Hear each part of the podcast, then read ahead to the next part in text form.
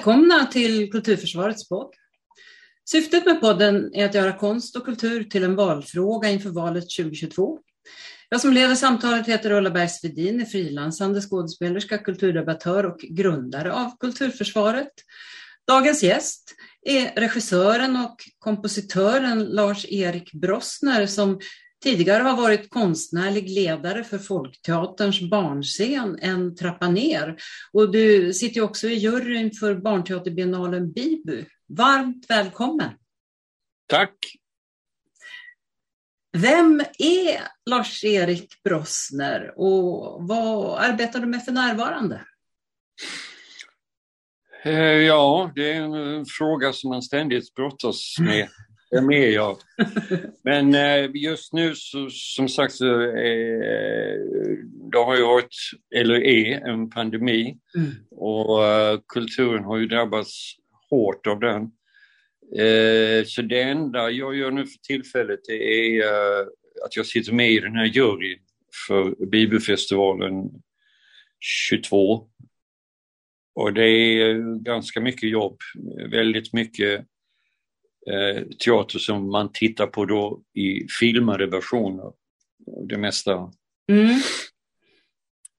Eh, och sen har jag det, vad sa du? Hur fungerar det då, tycker du? För att det, eh, det brukar vi ju ofta säga att det, det, fungerar inte så bra att titta på teater filmat.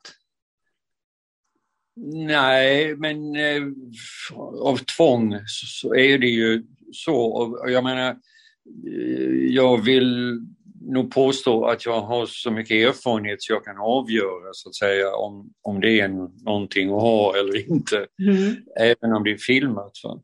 Eh, det är klart man missar ju eh, den här känslan av att, att vara i samma rum och att det sker här och nu. Va? Men eh, jag tycker det funkar bra faktiskt. Det är filmat med publiken då? Det har varit lite publik? Ja, det, det, det, mesta är filmat med publik men sen är det en del som inte är filmade med publik. En del är ju väldigt ambitiösa och det är nästan så att det känns som film och då blir det lite konstigt så att säga. Hur många föreställningar är det som är nominerade? Oh, vad kan det vara, 150 eller något sånt. Ah det ramlar på. Eh, idag fick vi in tre, fyra stycken. Men det, det är ju på upploppet nu så att, eh, ja. Ser alla jurymedlemmar eh, alla bidrag eller har ni det uppdelat? Ja, alltså eftersom vi är representanter för olika delar av landet så försöker vi ju ändå hålla, att man har liksom något slags huvudansvar för, i mitt fall då, Västra Götaland, den här regionen. Men eh, eftersom det är filmat nu va, så kan ju alla titta på allting. Va. En del är ju inte filmat och då måste man ju åka och titta på det. Mm. Mm. Hur, hur många är ni i juryn? Vi är väl eh, sju stycken. Mm. Ja, det blir spännande att, se vad det blir för föreställningar som blir uttagna. Det görs ju väldigt mycket teater för barn och unga eh, ändå, vad jag har förstått, även mm. under pandemin. Oh ja, oh ja, oh ja. Och jag menar, det, eh, teatern har ju faktiskt varit lite påhittig där. Va? Alltså man har gjort digitala föreställningar. Man har gjort eh, ja, försökt lösa det på alla möjliga sätt och vis. Så att eh, jo, de har faktiskt varit aktiva. Mm. Och vem är du då? Ja, jag är skåning och eh, uppvuxen i Malmö. Flyttade till, eh, jobb, började jobba på Malmö stadsteater eh, 70 tror jag det var. På Unga Teatern. Och där träffade jag min första mentor, Leif Sundberg. Eh, och sen flyttade jag till eh, Göteborg 76 till Folkteatern i Göteborg. Och sen, eh, eh fast anställd där större delen av mitt liv fast jag tog tjänstledigt väldigt mycket och jag har ju jobbat över hela Sverige och utomlands och så som eh, regissör och även som kompositör. Mm. Men eh, om vi backar lite då till, till den här eh, lilla Lars-Erik. Vad, vad, mm. vad tyckte han om att göra? Ja, det beror på hur lite. Men när, när, du, när du flyttade till Malmö, för du är född i Trelleborg, så flyttade du till Malmö som ganska liten. Ja, jag var fyra och ett halvt när vi flyttade till Malmö. Ja, jag, eh, jag gillar musik ganska tidigt och, och mamma hade ju en dröm om att jag skulle bli konsertpianist så mm att hon eh, eh, satte mig i pianoskola. Eh, men det var väl inte så himla lyckat. Jag hade ju en del märkliga lärare men eh, sen när jag blev, kom upp i tonåren så var jag ju bli intresserad. Alltså pianolektionerna var ju primärt eh, klassisk musik. Men sen började jag intressera mig för popmusik och så bildar man band med kompisar och, och sådär. Va? Vad var det för musik du spelade då, då? Ja, allt möjligt. Eh, det var allt ifrån eh, funk, soul, pop, rock, allt möjligt. Va? Gjorde du egen musik då också? Nej. Det var, eh, jag fick ett telefonsamtal från Unga Teatern i, i Malmö som vill, eh, behövde en organist till en föreställning. Eh, som Leif Sundberg skulle regissera. Eh, den hette Ansikte mot ansikte, var en gammal fickteaterföreställning. Och, eh, och jag skulle spela musik, visst, och det var, fanns musik. Och då spelade jag den, så sa han, du det behövs en låt här, kan du göra det? Ja, men jag har aldrig gjort eh, eh musik. För. Så gjorde jag det. Så sa han, du, du ska säga en replik här. Nej men jag har aldrig varit skådespelare, jag kan inte det. Jo, jo. Och så gjorde jag det. Och på den vägen har det blivit så att säga att jag har bara gjort saker utan att liksom tänka på vad jag kan eller inte kan. Du, eh, var det när du spelade i det som hette Huntington Band? Mm. Vad, vad, vad var det för band då? Eh, det var när jag flyttade till Göteborg så uh, hade Dennis Huntington, en uh, legendarisk figur i Göteborg faktiskt, som hade det här bandet Love Explosion och det hade upplösts så han skulle bilda ett nytt band. Aha. Och då blev jag med där. Okej, okay. men och, då missuppfattade jag det, men då, då stannar vi kvar i Malmö då, för du, du har ju nämnt Leif Sundberg nu eh, flera gånger. Eh, vem är det då? För det är inte säkert att det är alla som eh, vet eh, vem han var, eller är. Jo, han var eh, en var och är en förgrundsfigur inom svensk teater. Det var ju han och eh, Susanne Osten och eh, Gunnar Edander och eh, några till som bildade eh, Fickteatern. Mm. Som var eh, en väldigt nyskapande form av teater för Sverige då. Det här var väl 60-tal någon gång. Och sen eh, blev han anställd på, på eh, Malmö stadsteater då som regissör. Och jag hade turen att få träffa honom och jag menar för mig var det ju som att jag var ju ny inom teatern och, och träffa en sån eh, regissör var ju att jag hoppade över flera steg i min utbildning så att säga, flera klasser. Jag, han, jag förstod direkt att att så här ska man inte göra, men så här ska man göra och, och så vidare. Vad va, va, va var det du förstod? Kan du förklara det? Ja, det var ju till exempel hur man, vad man kunde prata om på teatern, vad man, vilka ämnen man kunde använda sig av. Det var eh, hur man förhåller sig till publiken, vilket var ju en väldigt stor del. Det var, vi gjorde ju uppsökande teater. Mm. Så vi var, spelade ju i gymnastikhallar och klassrum och allt vad det nu var. Lastbilsflak, allt möjligt. Och, eh, och då fick man ju, av honom kunde man lära sig hur man eh, kan hantera en publik och också vilka ämnen man kan prata om och på vilket sätt. Så att säga. Och det, det, det var, det, hade du sett mycket teater innan? Nej, inte alls. Jo, i och för sig, jag hade, min mamma älskade teater, men det var ju mest opera och eh, operett och sånt här. Så eh, det hade jag ju varit jättemycket på. Ja. Och det som jag var mest fascinerad det var ju att jag kommer ihåg att jag i, alltid stod inom föreställningen längst fram i orkesterdiket för där var det ju en jätteorkester. Ja. Och det, var, det var helt fantastiskt att höra hur de stämde och sånt. Det tyckte jag nästan var det bästa med de här föreställningarna. Men var det det som var din föreställning då om teater så att säga som du då nu ja. fick en annan bild av? Ja, precis.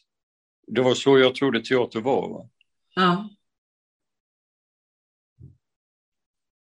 Hmm.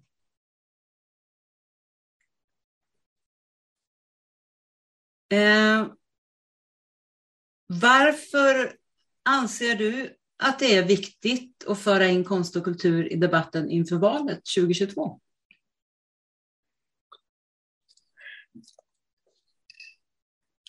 Ja, om, om man tycker att eh,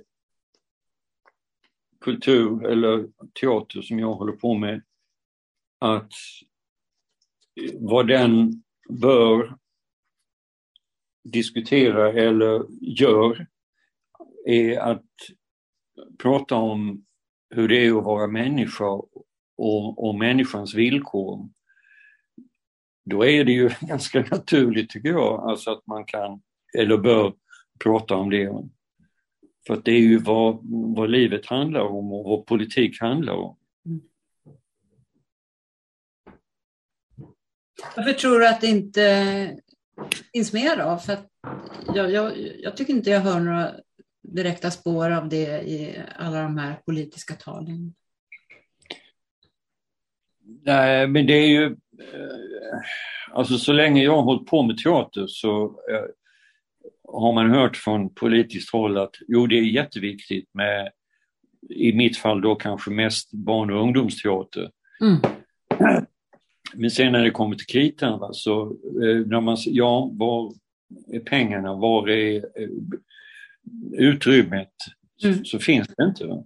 Och det är, tror jag, bara för att man ser kultur som en någon slags instrumentell företeelse. Det ska vara till nytta för någonting specifikt. Mm. Till exempel, det ska handla om mobbing så att man kan prata om det i skolan. Och Visst, det kan man ju göra, men det, alltså kulturen måste ju också ha ett egenvärde så att säga. Och det har politiker väldigt svårt att omfatta. Och då blir det liksom att det, man vinner inga eh, röster på att säga att eh, ha kultur som en jätteviktig valfråga utan det vinner man ju på eh, lag och ordning, eh, högre pensioner, sjukvård, bättre skola och så vidare. De här så kallade hårda frågorna. Mm. Och det är i och för sig ganska naturligt. Va? Men jag menar, det, samtidigt så är det ju tragiskt att eh, Socialdemokraterna som har varit ett, haft folkbildning som en, högt på agendan mm. under större delen av sin existens helt har tappat detta fullständigt. Ja, de hade ju med det, det från början. Det, Ja, det är ju det parti som är minst intresserad av kultur, tycker jag. Ja, det, de hade ju på sin kongress nu hade de en rejäl kulturdiskussion i alla fall. Vi får se vad det, vad det kan leda till eh, och en, och en väldigt bra motion. Eh, sen, sen vet man ju aldrig vad det blir för konkret politik eh, av det.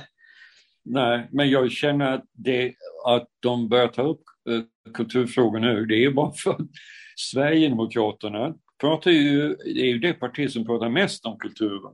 Ja. Och då liksom ups, ups, ups, här måste vi nog eh, sätta lite moteld här.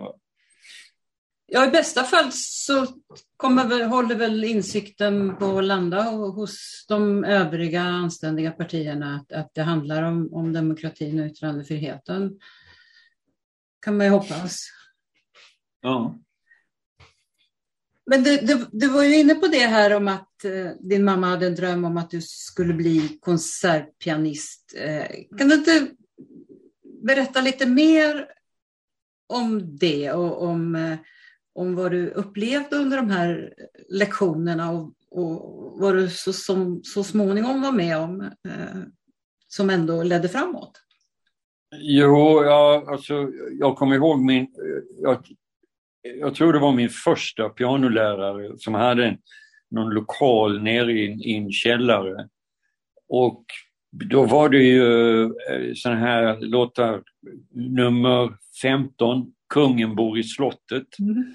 Och då hade man det som läxa och sen när jag kom dit så sa han, ja då kan du spela upp den. Och då, vad som hände då, det var att han fällde ut en, en, en, en bricka i väggen. Mm.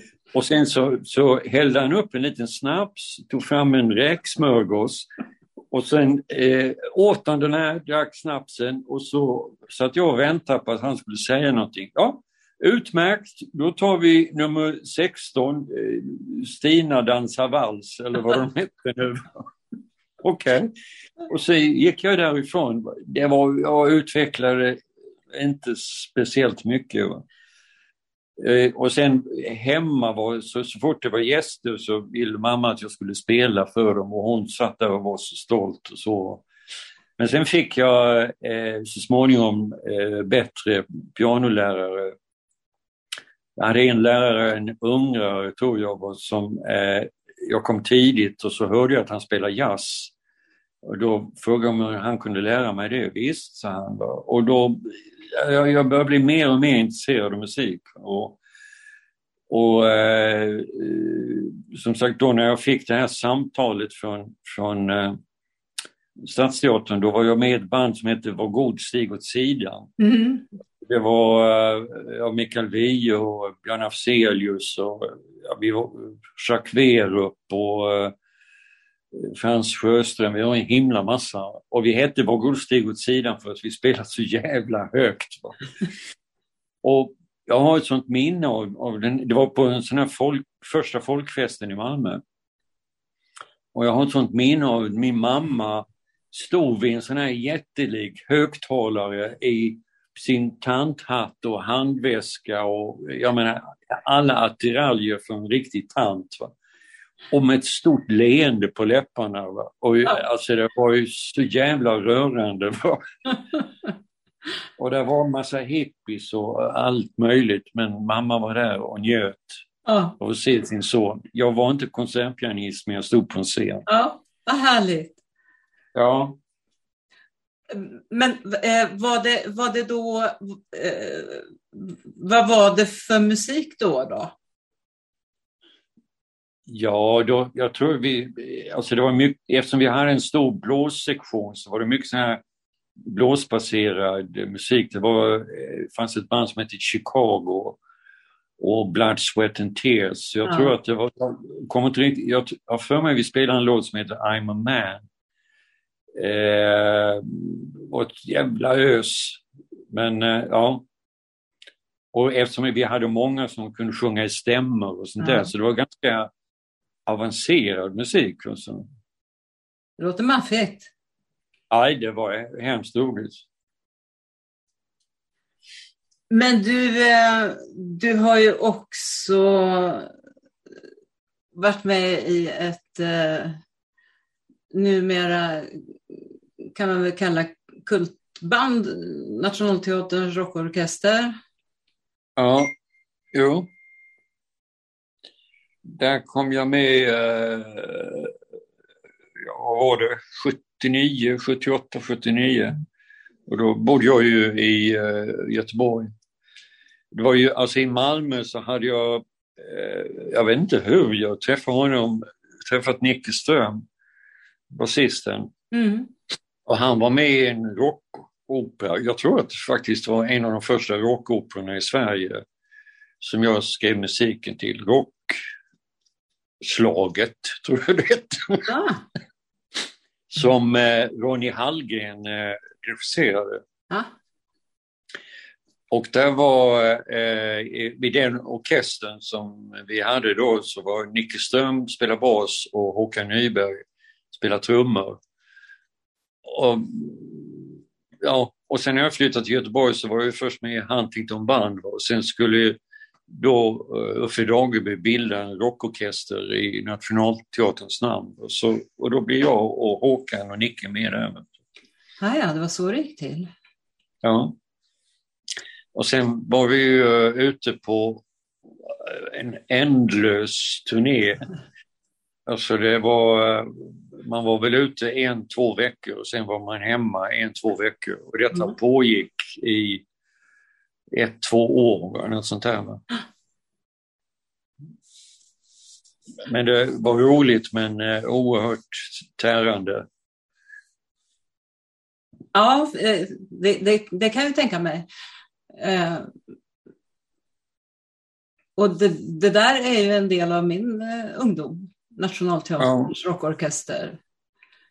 Och eh, jag var ju så lyckligt lottad så att jag, jag bodde ju på landsbygden där man kunde blanda hejvilt, så jag kunde ju lyssna på både ABBA och Nationalteaterns rockorkester utan att någon avkrävde mig eh, att jag skulle bekänna mig till det ena eller andra. så mm. det gick fint. Eh, men du hade, så du hade ingen längtan efter rockstjärnelivet då?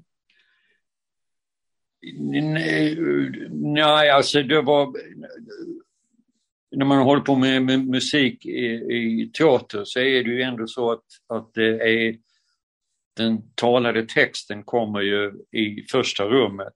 Mm. Så det ju liksom att man fick smyga lite och den stora, stora befrielsen det var ju när man spelade rock'n'roll, då satte man förstärkaren på 11 och det var ju inte snack om att någon skulle prata utan det var full volym och det var väldigt befriande faktiskt. Ja. Eh, vi eh, backar tillbaka till Malmö en stund igen, eh, för där träffade du ju också en skådespelare under ungdomsåren som du fortsatte sen att samarbeta med under många år. Berätta om det mötet. Ja, det var en kille som hette Thomas von Björmsen som på den tiden var han ju helt okänd så att säga. Han hade ju ganska nyligen gått ut eh, scenskolan och så hade han fått anställning på Malmö stadsteater och jag för mig att det var någon pjäs där han spelade knarkare och så satt jag i foajén om vi, om vi skulle gå, åka ut och, och, och spela och sånt där. Och så kom han och sa, du du var ganska bra som knarkare. Oh, oh tack, tack. och sen började vi prata så upptäckte vi att vi båda två gillar cirkus och clowner. Och eh, ja, så började vi hänga lite med varandra och sen upptäckte vi att vi hade samma humor. Och vi eh, skrattade oupphörligen och, eh, och sen gillade vi trolleri också och det fanns en skådespelare som hette Leif Hedberg som var jätteduktig eh. eh och han lärde oss en del trick och där och han, han älskade ju att visa upp det här. Och sen började vi, eh, fanns det en, en kabaré i, i Malmö som heter Kabaré Fredagsbarnen. Och så började Thomas och jag prata om, vi, ja, vi, vi gör någonting. Va? Och då gjorde vi någon, någon clownnummer som eh, ja, vi hade en lös grej. Att han spelar ju, han är ganska duktig på att spela klarinett. Mm. Så det skulle ju vara ett musikaliskt nummer, det var vi helt på det klara med. Och vi tänkte att vi sitter liksom ute i publiken och sen så bara vi liksom poppar upp och då blir folk alldeles chockade och sånt där. Va? Och, eh, och jag hade en bunt notpapper med mig då som jag, alltså jag behövde för att vi skulle spela saker. Och sen började det med att jag tappade allt det här. Va? Så att sen bara vi improviserade hej vilt. Va? Det blev liksom inte alls vad vi hade tänkt. Va? Men lite pappa men, det var, men det var fruktansvärt roligt ändå. Så att, eh, ja. Och sen flyttade han till uh, Göteborg också och Eh, blev anställd på eh, Göteborgs stadsteater. Och så småningom så kom han över till Folkteatern och då var vi tillsammans med en massa föreställningar, Tok-Alfred och Per Gynt och eh, klassiska uppsättningar som Lennart Hjulström gjorde. Ja, för eh, Lennart Hjulström har du också nämnt eh, som en av dina mentorer och även Finn Paulsen eh, som ja. ledde Folkteatern-besökare då. Mm. Det var ju Lennart Hjulström som eh, eh, Leif Sundberg skulle göra en föreställning som heter Kvinnor i äppelträd på eh, den uppsökande teatern och då ville han ha mig med. Och sen såg eh, Lennart Hjulström mig där så han erbjöd mig en fast anställning. Så, okej, okay, sa jag. Så var jag plötsligt göteborgare. Och du blev anställd som kompositör, eh, eller vad heter det, kapellmästare var du va? Ja, precis. Och sen, eh, men då hade jag ju redan börjat skriva musik i Malmö så mm. att uh, jag skrev ju all musik som jag spelade. Mm. Och sen på Folkteatern Cirkus träffade jag Finn Paulsson som var ju också en eh, erfaren eh, eh, teatermakare. Och vi har ju jobbat ihop jättemycket också. Och Lennart har jag ju jobbat med eh, väldigt mycket. Jag gjorde ju musik till hans föreställningar på Dramaten och till två av hans filmer. Eh, så det var hemskt roligt.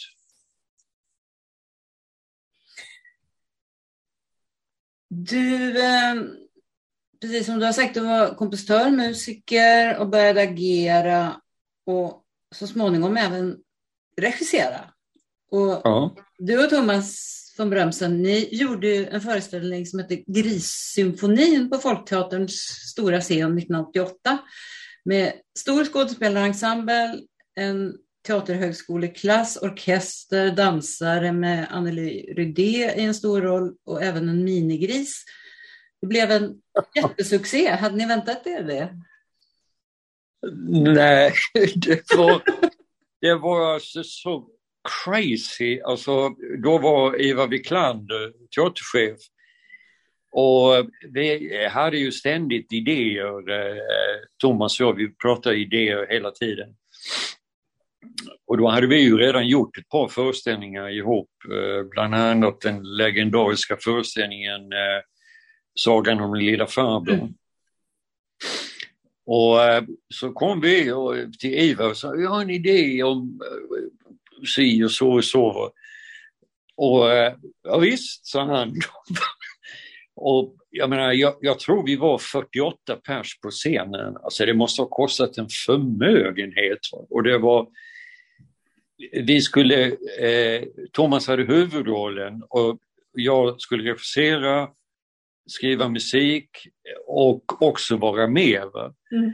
Och jag, jag kommer ihåg att jag var så jävla utmattad så efter varje repetition så gick jag in i logen och grät. Jag var liksom helt, det var, vi hade tagit på oss alldeles, alldeles för mycket. Och sen hade vi ju skrivit allting själva också. Mm. Men samtidigt så var det ju, eh,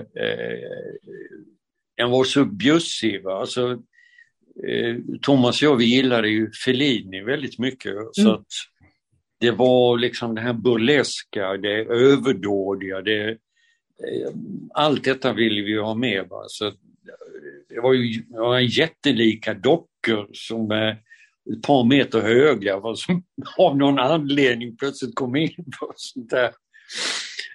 Eh, ja, ah, ah, det var crazy.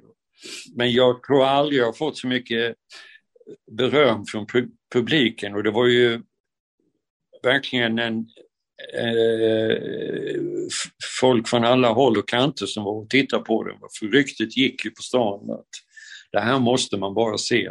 Ah. Ja, ja det, var, det, var, det, var, det var väldigt roligt att följa hela, he, hela processen.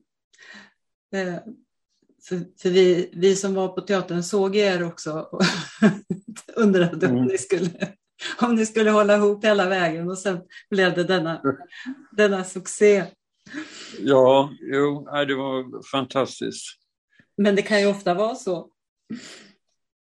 Eh, men större delen av ditt yrkesliv har du ändå ägnat åt att göra konst för barn och unga.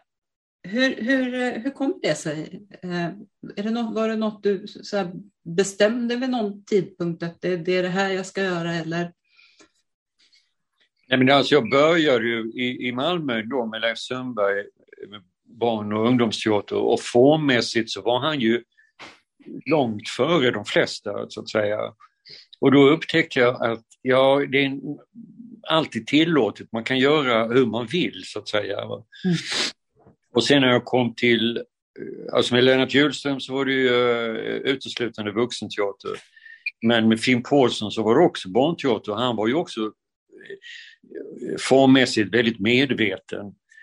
Och, eh, och sen när jag tittade på vuxenteater så tyckte jag att det var så jävla tråkigt. Alltså det var, eh, Eh, på vuxenteatern kunde man komma undan med att ha en monolog i tio minuter som var jättetråkig. Det fanns inte en chans att göra det med barn och unga, de, här, de bara gick ju då.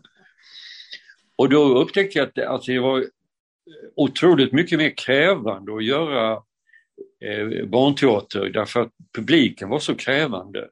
De ville bli underhållna och, eh, och samtidigt så fanns det ju ingen orsak till att undanhålla någonting. Va? Och, eh, alltså jag menar då ämnesmässigt. Och, eh, det gjorde att jag tyckte det var otroligt mycket roligare att hålla på med, med barnteater. Va? Så att då, det föll sig naturligt. Ja, och du, du har ju inte väjt, så att säga, heller, precis som du var inne på förut, eh, för, för några svåra ämnen. Nej.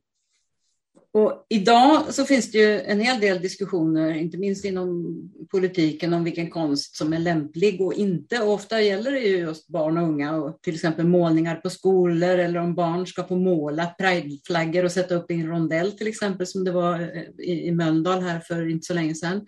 Och du har ju många erfarenheter av hur rädda vuxna kan vara inför tematik i berättelser för barn. Så du, och du har ju just arbetat för de allra minsta förskolebarnen. Vad tänker du kring det? Ja, jag, eh, jag har ju faktiskt en gedigen erfarenhet av detta. Och det, jag har aldrig, och jag säger absolut aldrig upplevt att barnen har tyckt det var eh, obehagligt eller jobbigt om man pratar om döden, sjukdom, eh, vad som helst. Alltså de som tycker det är jobbigt, det är de vuxna. Va? Jag vet inte hur många gånger jag har sett vuxna som håller för öronen eller ögonen på barnen för att de inte ska titta. Oj.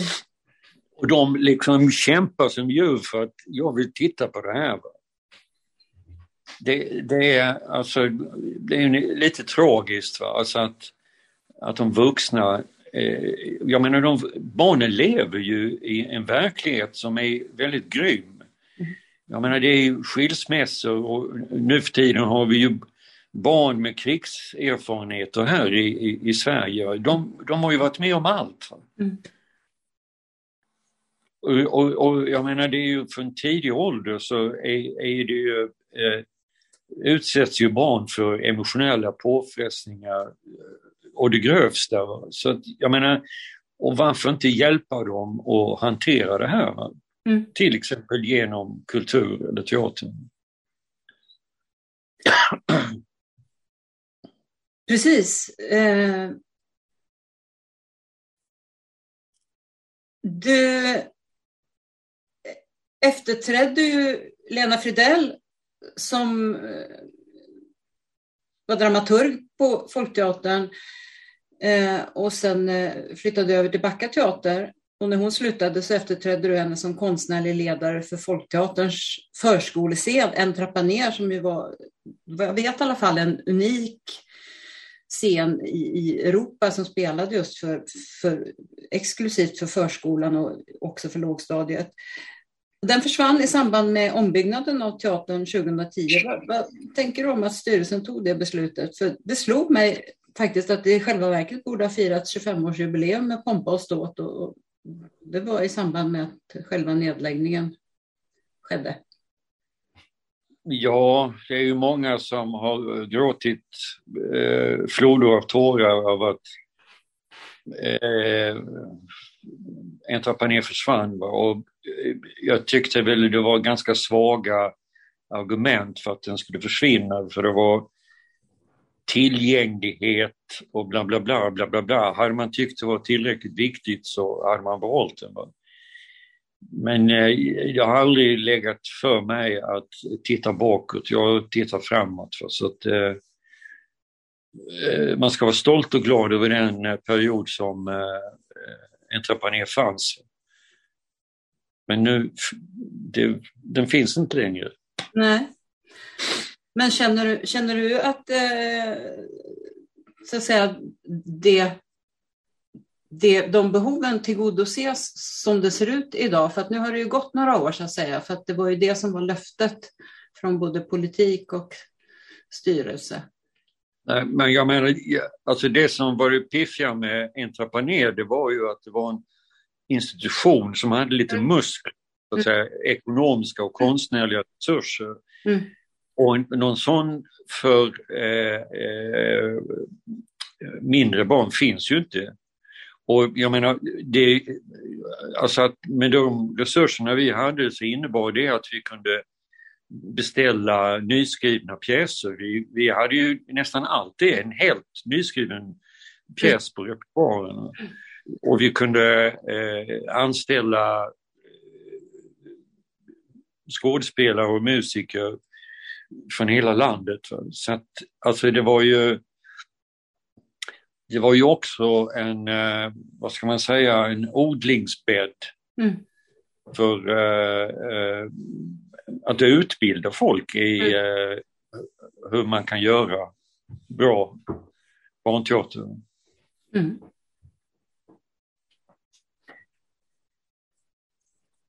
Det har talat förut om att du är eh, kompositör och det märks ju i alla dina uppsättningar. Eh, jag brukar säga att det, jag, jag kan höra, det, det, brukar alltid slås an en ton.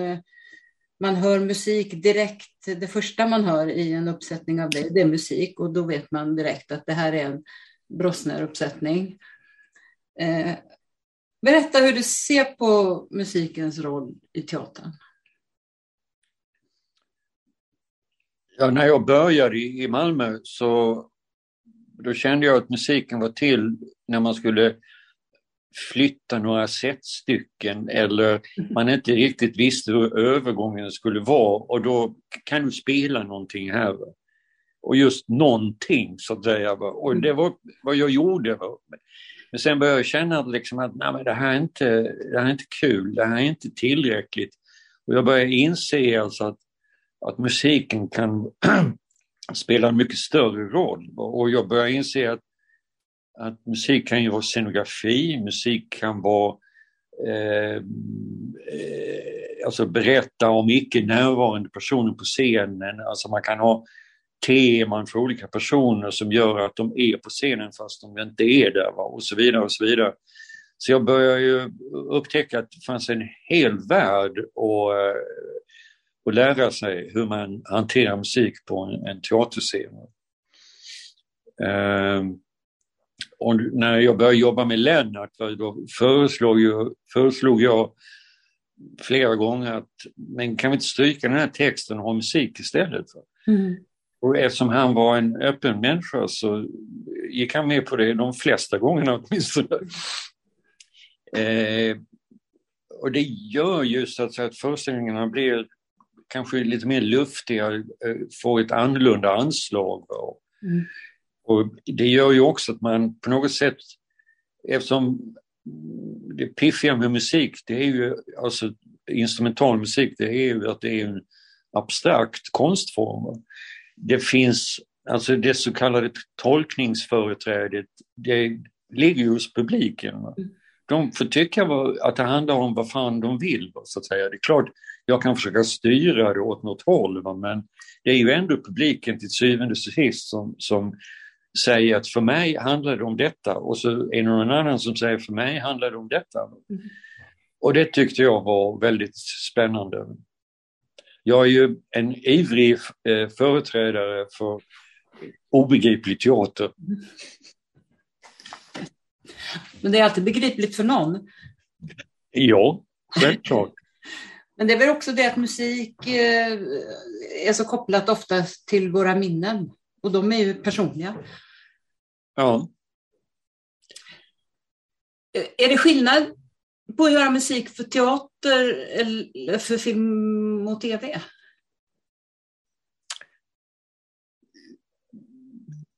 Ja, jag, jag, känner mig ju friare eh, när det kommer till teater. Jag menar det finns Dels är det ju så våldsamt dyrt med, med, med film. Eh, och där är det ju också, fast egentligen är det inte så jättestor skillnad. Jag menar, precis som på teatern, när de pratar så får musiken ligga under. När de inte pratar då kan man eh, döna på så att säga.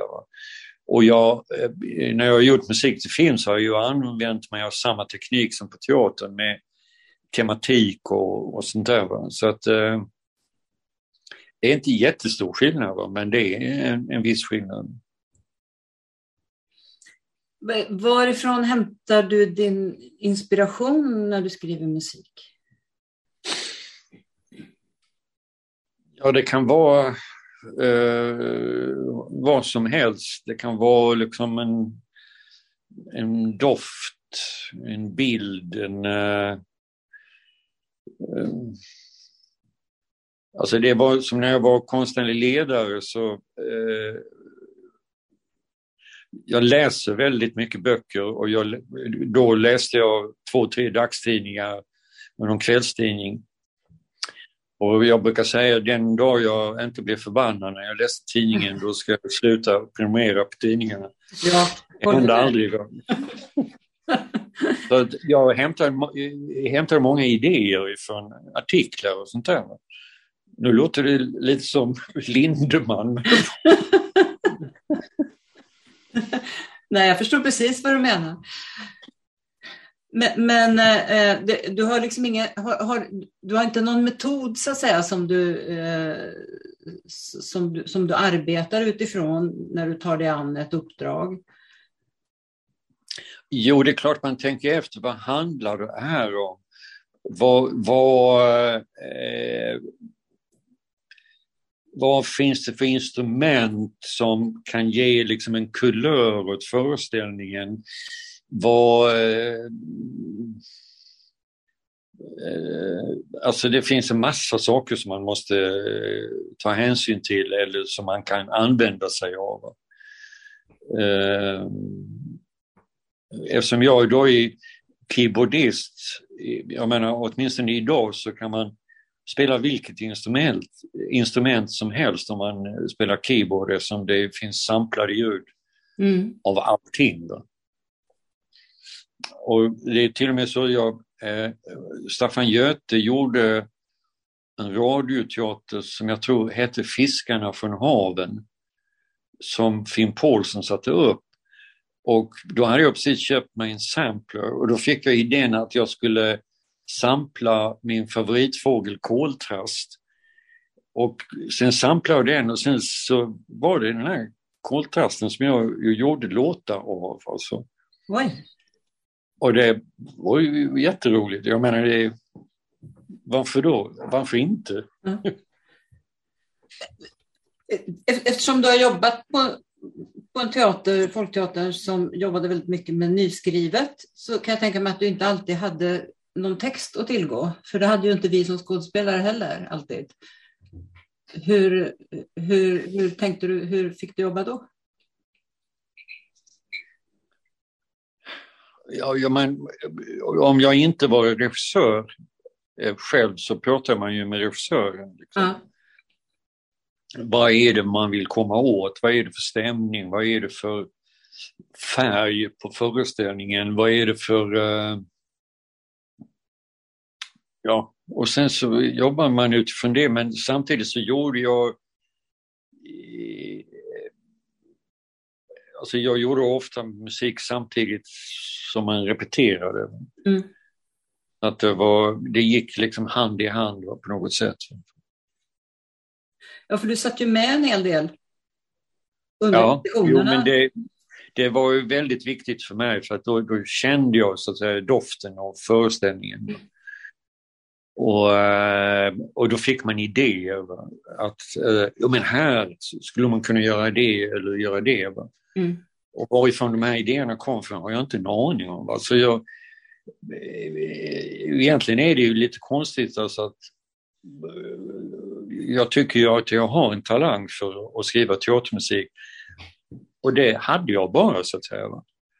Jag är ju inte alls utbildad på det. Va? Jag är ju utbildad som klassisk pianist.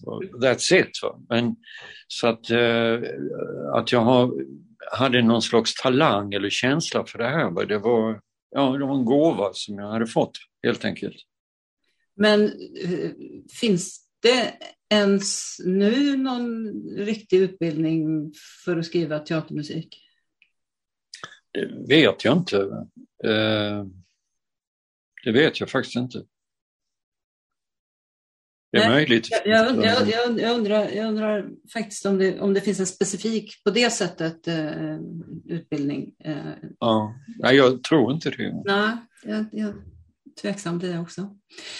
Du, du har ju också arrangerat och producerat eh, Lasse Tenanders Taube-platta. Där blev du jämförd med Benny Andersson i en recension. Har du skrivit in det i din CV?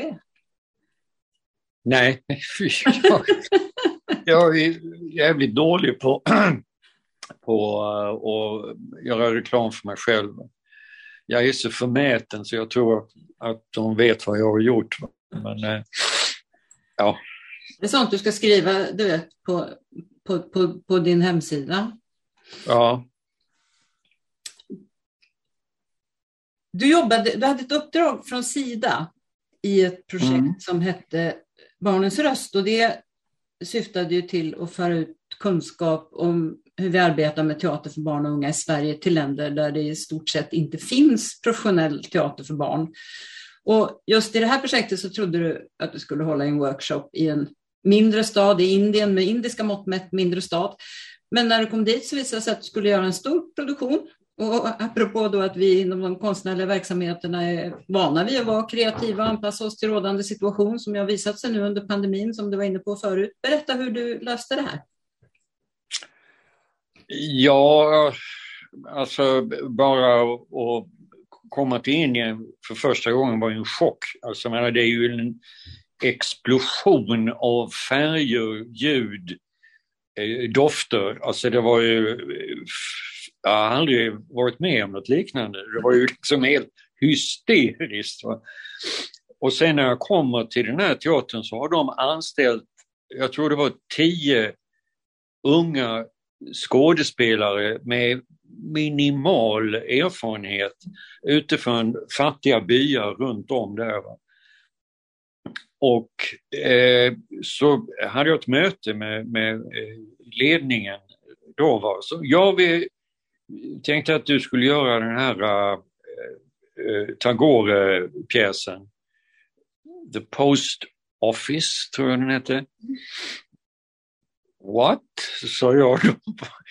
Men det var inte eh, tanken. Jo, och jag hade, vad var det, tre, fyra veckor på mig. Och det här var en helaftonsföreställning. Och, det, och jag läste ju den här då eh, på engelska. Och jag tyckte den var ju inte mycket att hänga i, i granen. Va? Men eh, alltså jag kände jag har ju inte liksom något val här. Va? Eh, så jag gjorde ju liksom en snabb eh, nedkortning så att den blev kanske drygt en timme. Och sen var nästa problem i den regionen där jag eh, skulle jobba, där talade de en dialekt som heter Kanada. Och den här eh, Tagore-pjäsen fanns bara på hindi, tror jag det var. Eh, och eh, de skådespelarna de pratade inte hindi, de talade Kanada, punkt slut. Och de talade absolut inte engelska. Och sen hade jag en, en regiassistent som han talade Kanada och hindi och lite engelska. Men eh, eh, på något sätt så fick vi tag på, på någon, en, en människa som översatte det här till, till Kanada. Men det var ju liksom eh, sånt kaos. Alltså jag kommer ihåg, det var någon skådespelare som stod och pratade och pratade och pratade och pratade och jag följde ju Eh, mitt engelska manus. Men vänta lite, alltså i mitt manus så har du en två meningar lång replik. Du har pratat i fem minuter nu. Vad fan är detta? Vad är det du säger? Så jag menar på den nivån var det. Va?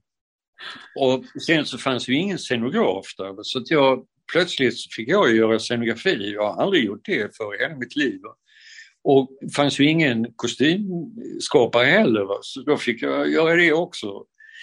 Och sen eh, som tur var så fick jag tag på tre briljanta indiska musiker. Va? Men jag kan ju inte göra indisk musik men de kunde ju spela precis eh, vad som helst. Va? Så att, och det, och det var, blev jättebra. Va? Men eh, på någon jävla vänster så blev det en föreställning som blev eh, helt okej. Okay, Ska du berätta vad, vad, vad historien var? För Tagore, eh, det är något från eh, början på 1900-talet va? Eh, ja, 1920 tror jag pjäsen var ifrån. Ja. Alltså jag kommer faktiskt inte ihåg så jättemycket va? men jag, det var någonting med att en, en, en pojke som sitter i ett fönster, han får inte gå ut och leka, han är sjuk och det ena med det fjärde. Och jag tror jag gjorde föreställningen till att det handlade om, om eh, överhet och eh, fattigdom och eh, vem som ska bestämma eller inte och sådär. Och eh, det, det, var ju en, det fanns ju en del rörande scener i den. Så, men... Eh, och vänskap och kärlek har också sagt att den Ja, vänskap och kärlek. Och eh, liksom vem får man leka med den rike och får man leka med den, Alltså det finns ju ett kastsystem mm. fortfarande som är ju helt obegripligt. Jag menar en del av de här skådespelarna som jag jobbar med, de var ju untouchable. Mm. En del av de andra, de rör inte vid de här. Va? Jag sa, men vad fan är detta? Va? Ja, så är det bara. Va? Aha. Och, och jag, det var ju ingenting som jag kunde göra någonting åt. Va? Och det var ju också så, va? jag är ju så van vid att jag tar i skådespelarna när jag pratar med dem. Va? Och de studsade i flera meter va? när jag gjorde det. Så jag fick ju liksom verkligen vara försiktig med hur jag mm. agerade. Men eh, innan premiären så eh, ville jag att vi skulle pröva materialet på, på barn och då hade jag fått reda på att det fanns ett barnhem för barn till eh, prostituerade, eh, hiv-sjuka och, ja, och föräldrarna var döda och det var ett jättestort barnhem. Så vi åkte ut dit och jag gjorde en liksom kort version på 20-30 minuter som vi spelade utan dekor eller någonting. Va? Och de här barnen har ju aldrig sett teater förr. Va? Så de, de var ju helt, alltså ögonen stod ju som tefat på dem. Va? Och, och det var alltså en av de mest rörande upplevelser jag varit med om i hela mitt liv. Eh, och sen på, på den här teatern i Mysore som stan hette, det var ju en stor teater, eh, den stora scenen och det var väl kanske 500-600 platser och de ville ju fylla hela lokalen. Va? Jag sa nej, det vill inte jag. Va? Och jag bråkade om det här till slut så fick jag ner det till 200 tror jag det var, något sånt. Va?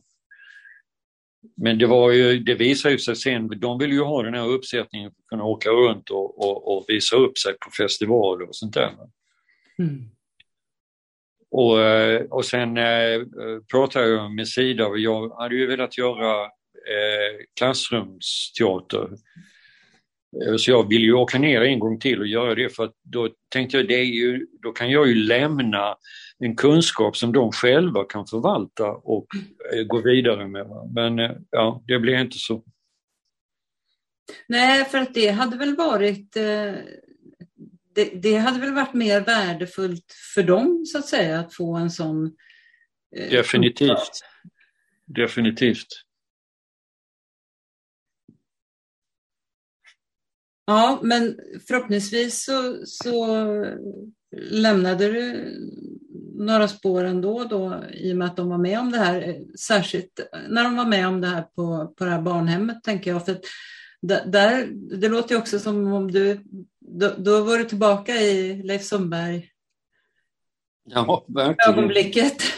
Jo, jo verkligen. Eh, några år senare då fick du ett nytt uppdrag, eh, ett samarbete mellan Riksteatern och Frihetsteatern i Jenin på Västbanken i Palestina där du skulle sätta upp Pippi Långstrump. Och när man hör Pippi Långstrump och att spela den i Palestina så funderar man lite hur det ska gestalta sig. Berätta. Eh, ja, eh, jag har ju aldrig haft en tanke på, på att göra Pippi Långstrump. Jag tycker inte det är något intressant för mig. Va?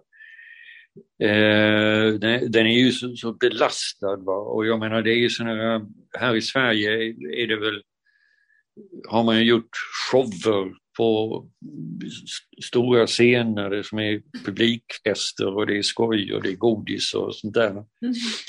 Så det var inte så intressant för mig. Va? Och sen, men sen eh, eh, började jag tänka på det eh, då liksom för att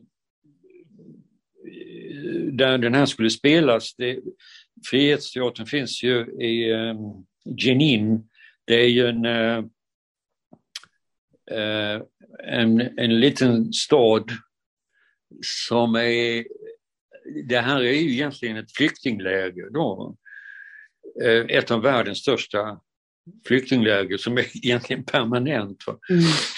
Och eh, det har varit centrum för väldigt många eh, sådana frihetskrig och det finns en stark revolutionär anda i, i den här regionen. Och varit mycket oroligheter och, och sånt där. Va? Och, eh, och eh, Palestina det är ju som hela den här regionen, det är ju patriarkal struktur, alltså ännu starkare patriarkal struktur än, än här i, i eh, Europa. Och sen eh, då alltså att, att det var en, en tjej som spelar huvudrollen som inte vill lyda ordningsmakt eller överhet jag tänkte, shit, det här kan vara väldigt spännande. Mm. Mm. Så jag tackade ja och så eh, blev den översatt och eh, eh, bearbetad eh, av en eh, palestinsk eh, översättare och dramatiker. Eh, och sen, eh, ja, och sen, jag satt ju i Zoom-möten då och skulle rollbesätta härifrån Sverige. Och, eh, och sen hade jag med mig, jag sa jag måste ha med mig en tolk, så jag hittade en kille här i Göteborg mm. som heter Navar som eh, var från Jordanien, talade flytande arabiska och talade göteborgska. Mm och eh, jättefin kille. Så eh, vi eh, åkte ner dit och det första som hände är att han blev tagen i, i eh, alltså nu, vi landade ju i Israel på den här Ben Gurion flygplatsen och då blev han tagen där och fick sitta i förhör, jag vet inte hur jävla länge. Medan alltså, jag satt och väntade i eh, ankomsthallen där. Och eh, då hann det bli mörkt. Så vi åkte i, i någon eh, alltså var, de hade förbeställt från teatern en, en taxi som fick vänta alltså i, i fem timmar. Och, sånt där. Mm. och det var min första försmak liksom det här är vad jag ska möta. Och vi kommer till teatern och då var det ju eh, natt. Så att det var ju bara att gå och lägga sig. Och eh,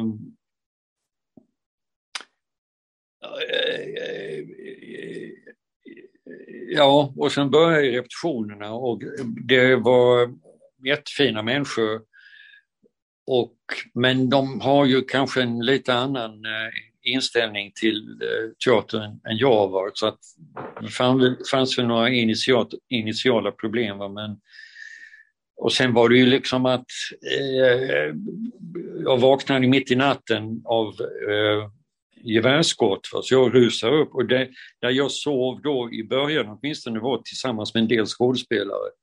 Så vad fan är det som händer? Ja, det är lugnt, det är flera hundra meter härifrån. Vadå, vadå? Och då var det israeliska soldater som hade alltså, k-pist, eh, sköt med k-pistar och det smällde och skreks och sånt där. Va? Men du behöver ju inte vara uppe och springa för det kan ju komma sådana här vårdarskott och sånt där. My God! Ja. Och då var jag faktiskt lite rädd. Men, eh, men de sa, det var lugnt, du kan lita på oss. Så, ja, ja, okej, okay, okej. Okay. Jag hade ju inget val. Mm. Och de här repetitionerna blev avbrutna hela tiden för att det var någon kompis som hade blivit skjuten eller eh, vad det var, så det var begravningar hela tiden. Mm. Och det var ju ingenting som jag kunde säga någonting om. Men eh, ja, men eh, vilket fall som helst så kom vi till premiär och det var, eh, alltså där, det här var ju en barnteater men, och det var en salong med kanske 200 platser. Och den var knökad till bristningsgränsen med moster, faster, mormor, bebisar, vuxna män, unga män, tonåringar, allt, alla gick dit. Va? Jag menar det fanns ju inte så mycket av, eh, av underhållning då. Va? Och det var ju en helvetes succé. Folk stod ju upp i bänkarna och skrek och applåderade. Och, och saker som inte jag riktigt förstod varför det var så himla roligt för, men de hade ju läst, läst ju in en massa. Ja. Och jag menar det var det här kling och klang, de här poliserna då som eh, eh, Pippi gjorde narr av. Då hade jag ju sagt till dem att gör lite, lite, lite så att de liknar israeliska soldater eller poliser då. Va? Och det behövdes väldigt lite för att publiken skulle fatta direkt. Så att det var ju, herregud vad de skrattade. Ja, det är det är härligt när man får uppleva det där att, att, det, att det betyder mycket. Jo, och det var ju verkligen då man, man insåg så att säga vilken, vilken sprängkraft eh, kan finnas i teater utifrån en kontext som ja. den som fanns i det här flyktinglägret. Mm. Och det är väl därför vissa kan vara väldigt rädda också för ja. vad vi kan åstadkomma. Jo, jag menar han som var konstnärlig ledare, eller bildade Frihetsteatern och var konstnärlig ledare för han blev ju skjuten utanför teatern. Ja. och det är helt klart att det var utifrån hans eh, konstnärliga gärning, mm. inte något annat. Precis. Du har ju sagt att eh, efter att du har släppt dina mentorer, alltså Leif Sundberg, Lennart Hjulström och Finn Paulsen, så är det Thomas von Bremsen som du har nämnt här, men också Sören Brunes som var scenograf och även Cecilia Milocco som är skådespelerska som har betytt mest för dig. Berätta vad det är med de här tre som har varit och är så viktigt. Ja, alltså Sören Brunes kan man väl säga att han också är en slags mentor. Men det är en, en, en mentor som har lärt mig vad scenografi kan vara för någonting på en teater. Eh, man brukar säga att man ska gå utanför boxen. Sören Brunes hade ingen box överhuvudtaget. Han gjorde vad fan han ville. Alltså det var... Alltså när han presenterade sina idéer för mig, alltså det var eh, fantastiskt. Det var liksom en, som en gåva man fick vara med om. Det är oerhört roligt och han gjorde det liksom möjligt att, att göra fantastisk teater. Alltså, alla de här alltså, som jag har jobbat med, de gjorde ju att jag lärde mig så att jag blev bättre och, och också gav mig möjligheter att göra bra teater. Och det är ju som Cecilia eh, Mirocco som är en fantastisk eh, skådespelerska eh, eh och också koreografer som eh, eh, gjorde det möjligt och som också är en, en otroligt nyfiken, öppensinnad person. Som är och liksom nyfiken på att ta teatern ytterligare steg framåt. Eh, både innehållsligt och formmässigt. Det, eh, eh ja, det har varit en, en fantastisk resa. Jag är djupt tacksam över att jag fått lära känna alla dessa människor. Du och Sören och Cecilia har gjort föreställningar eh, tillsammans. Mm. Och också bara ni. Eh, eh, till exempel eh, Det röda trädet. Ja, det var eh, Cecilia, hon hade hittat en, en, en barnbok av den här Jean Tan som var en bilderbok och så fanns det korta texter ute i kanten på bilden och sånt där. Men alltså, och, hon, och jag tittade på den här och det var ju alltså helt fantastiska bilder. Och så gav jag den till Sören Brunes och sen satte vi oss ner och pratade om det här. Va? Och till slut kom vi fram till att vi skulle inte skriva ett manus i gängse mening utan vi skulle göra ett, ett manus som var baserat på scenografi. Så manuset bestod alltså av x antal bilder, scenografiska bilder. Och, och sen skulle eh, eh, jag och Cecilia göra någonting i de här bilderna. Då. Så det var det vi höll på med då. Eh, så egentligen eh, sa hon ingenting begripligt. Vi skippade den här texten. Eh, det fanns liksom, hon sjöng lite och hummade och, sånt där men det sades egentligen ingenting. Och det var ju också en, en föreställning som byggde på att man inte riktigt visste vad som hände eller skulle hända. Eh, det var ju tydligt också att hon är, just som du sa, koreograf, att hon har Ja, ja, visst. Ja, men man kunde uttrycka sig genom kroppen. Mm. Eh, eh, det var en fan, fantastisk eh, resa den här föreställningen. Och Thomas, då, du var ju inne på vad ni gjorde när, du var, när ni var unga. Mm. Ja, vi gjorde ju Tungt gräs tillsammans och där var ju faktiskt Sören Brunnes eh, gjorde scenografin. Mm. då, där han importerade fem ton kalksten mm. från Öland och hade något samarbete med skogsbolaget så plötsligt så låg det en stor dröse med, med, med träd utanför uh, folkteatern som vi sen urholkade och hängde upp i taket och Viggo Pil på något sinnrikt system kunde flytta på. Då. Och det, en, en bieffekt av detta det var ju att när vi, då var jag också skådespelare, här, då, när vi, Thomas och jag sitter där och ska ha någon dialog så plötsligt så landade en fluga på eh, Thomas näsa för det hade ju börjat bygga insekterna börjat bygga bo i, i det här. Så det var liksom superrealistiskt plötsligt.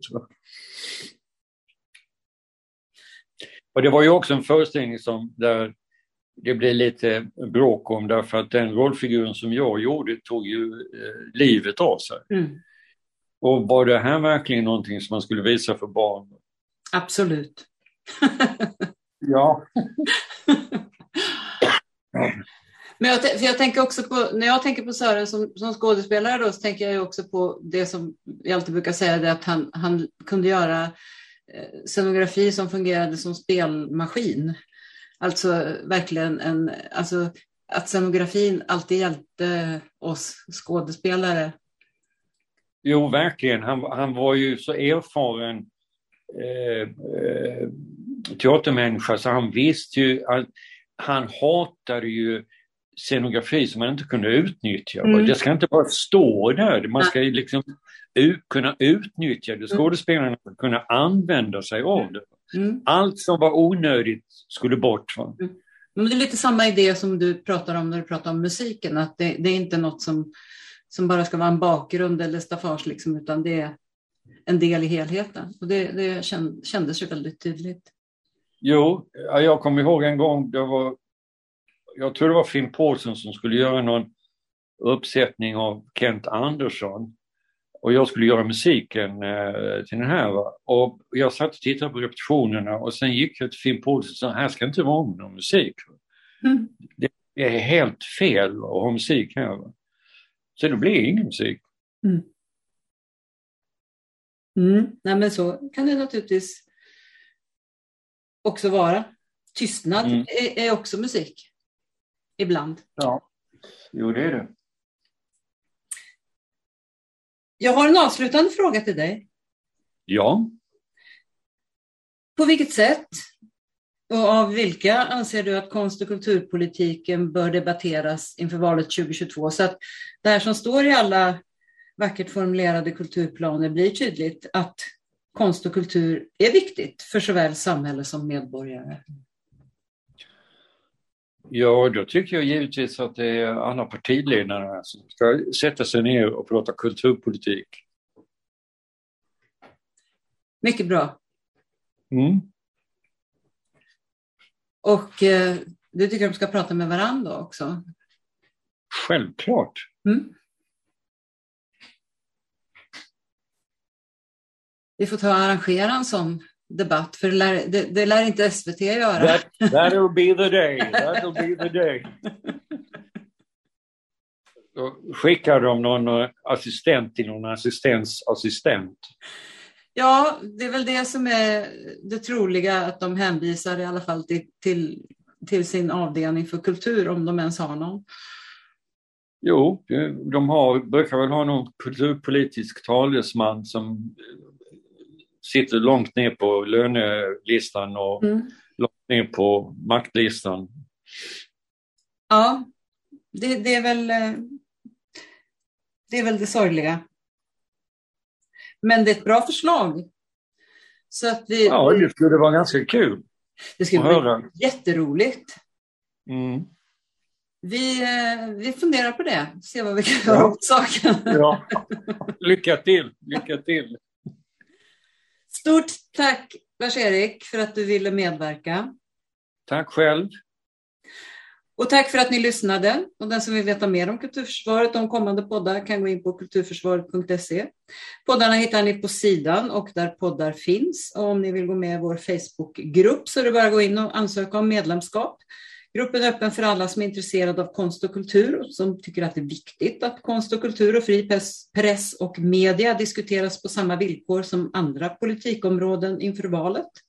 Tack och på återhörande.